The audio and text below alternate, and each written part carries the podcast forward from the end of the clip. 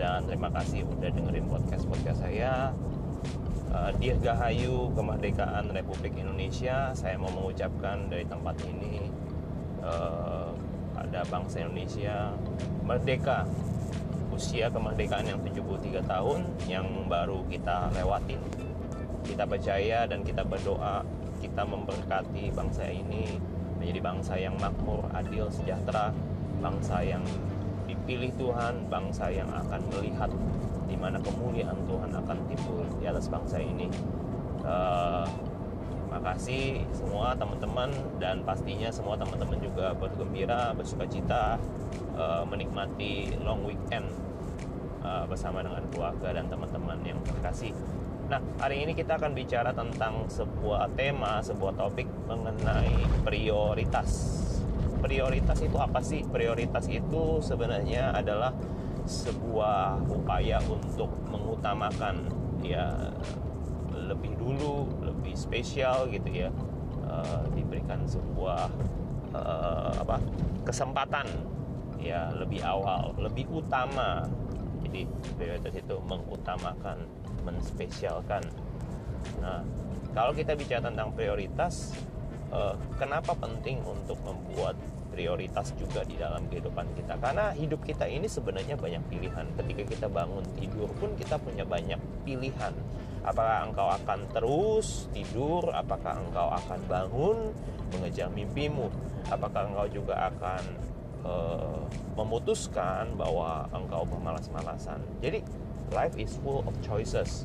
Menurut saya hidup itu penuh dengan pilihan. Setelah ini kita ada dihadapkan dengan pilihan. Setelah ini kita dihadapkan dengan pilihan.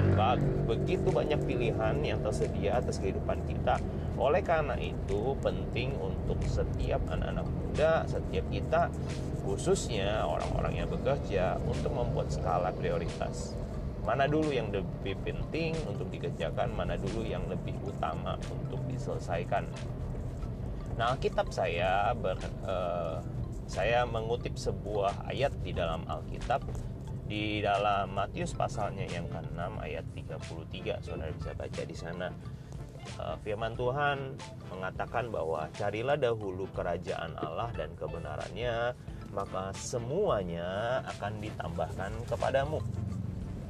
Di sana dikatakan di dalam ayat itu tegas berkata bahwa Tuhan Yesus sendiri yang berkata kepada murid-muridnya, jangan khawatir tentang hal lain.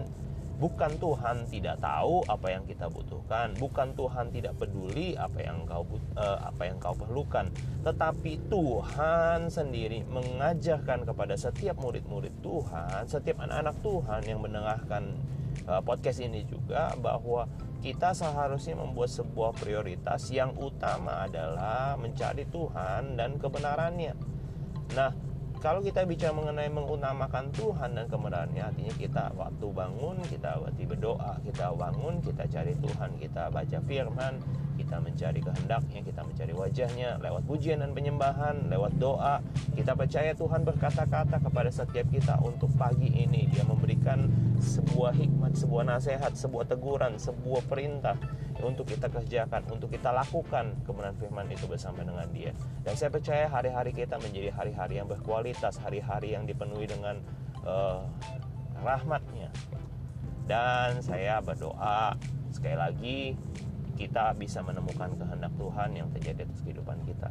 Dan karena kalau misalnya kita melihat bahwa ketika kehidupan kita ada purpose, ada tujuan hidup, maka hidup kita menjadi hidup yang bersemangat hidup kita bukannya hidup yang tanpa arti hidup kita bukan hidup yang tanpa arah bukan seperti layangan yang putus yang diombang-ambingkan ke sana kemari tetapi hidup kita menjadi hidup yang terarah sesuai dengan kehendak dan maunya Tuhan di dalam kehidupan kita. Nah, saya juga mau berkata bahwa prioritas itu menunjukkan sebuah kualitas. Nah, banyak orang tidak bisa menunjukkan sebuah kualitas yang baik karena apa? Karena orang itu tidak bisa menunjukkan prioritas yang baik pula.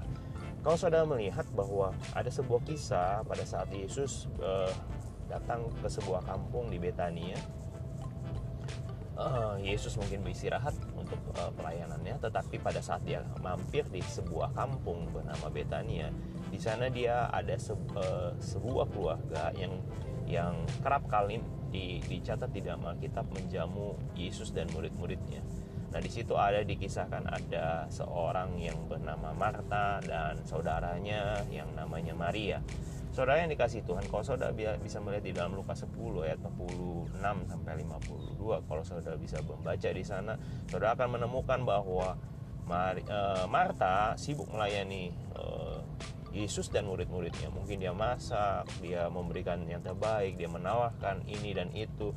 Dia banyak sekali melakukan pelayanan-pelayanan untuk melayani Yesus dan murid-muridnya. Tetapi saudaranya Maria tidak melakukan hal yang sama, tidak melakukan hal yang serupa. Dia tidak menyibukkan dirinya, tetapi dia memilih duduk dekat diam di kaki Yesus, mendengarkan setiap sabda firman yang dikatakan oleh Tuhan Yesus. Dan ini menimbulkan sebuah kecemburuan, sebuah hal yang menjengkelkan hati Marta. Marta mungkin sudah berkali-kali e, memanggil Maria, Maria, Maria, kau bantu saya, engkau tolonglah cek kompornya. Udah dimatiin atau belum? Apinya kebesaran atau kekecilan? Cek coba makanan coba dibawa dan lain sebagainya saudara-saudara saya tidak tahu percakapannya mungkin seperti itu.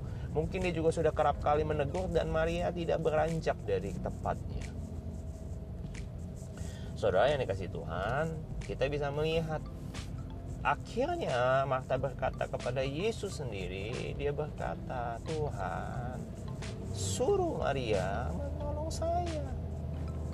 Suruh Maria lihat begitu sibuknya saya masa dia berdiam diri saudara kelihatannya kita melihat bahwa kualitas kehidupan Marta sepertinya he, mengherankan menghebatkan mencengangkan gitu ya hebat mencengangkan gitu maksudnya. Karena begitu banyak sibukan ketika kita melihat secara kasat mata ini loh melakukan hal yang benar hal yang baik ya. Karena dia melakukan serve, hospitality, ramah tamah, dia melakukan perbuatan yang nyata, kelihatan dan lain sebagainya. Saya tidak mengatakan pelayanan yang sibuk itu e, buruk adanya tidak, tapi ada sebuah hal yang lebih penting, ada sebuah hal yang lebih mulia yang dikatakan oleh Yesus. Yesus menjawab apa yang dikatakan Marta. Yesus menjawab keluh kesah Marta yang begitu sibuknya dengan pelayanannya, aktivitasnya dan dia berkata mata-mata engkau begitu menyusahkan dirimu engkau begitu banyak memikirkan hal-hal. Tapi satu hal yang dikatakan oleh Yesus yang menjadi sebuah pokok perenungan kita pada pagi hari ini. Satu hal yang dikerjakan oleh Maria dia telah memilih bagian yang terbaik dan itu tidak akan pernah diambil dari luar biasa Maria menjadi seorang pribadi yang berkualitas. Dia bisa menunjukkan kualitasnya di hadapan Tuhan dikarenakan pilihannya mengutamakan Tuhan di atas segala pekerjaan, pelayanan, dan selain sebagainya. Siapkah saudara menjadi pribadi-pribadi yang berkualitas di hadapan Tuhan? Bukan sekedar engkau begitu sibuk dengan agenda pelayananmu, engkau begitu sibuk dengan pekerjaanmu, di keluargamu, dan lain-lain sebagainya bisnismu well I think it's good itu baik tetapi prioritas kita seharusnya sama seperti Maria. Prioritas kehidupan kita seharusnya mengutamakan Tuhan di atas segala galanya. Bukankah dia berkata cari dulu kerajaan Allah dan kebenarannya. Maka segala sesuatunya semuanya apa yang kita butuhkan bisnis pekerjaan profit keluarga yang harmonis, keluarga yang sejahtera, cukupkan. Semua sehat, kesembuhan ilahi, semua itu akan ditambahkan kepada kita ketika kita mengutamakan dan mencari Tuhan dan kebenarannya.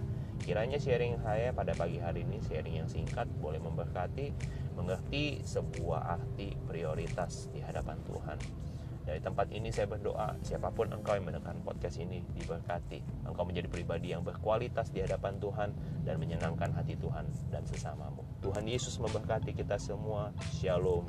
Selamat pagi.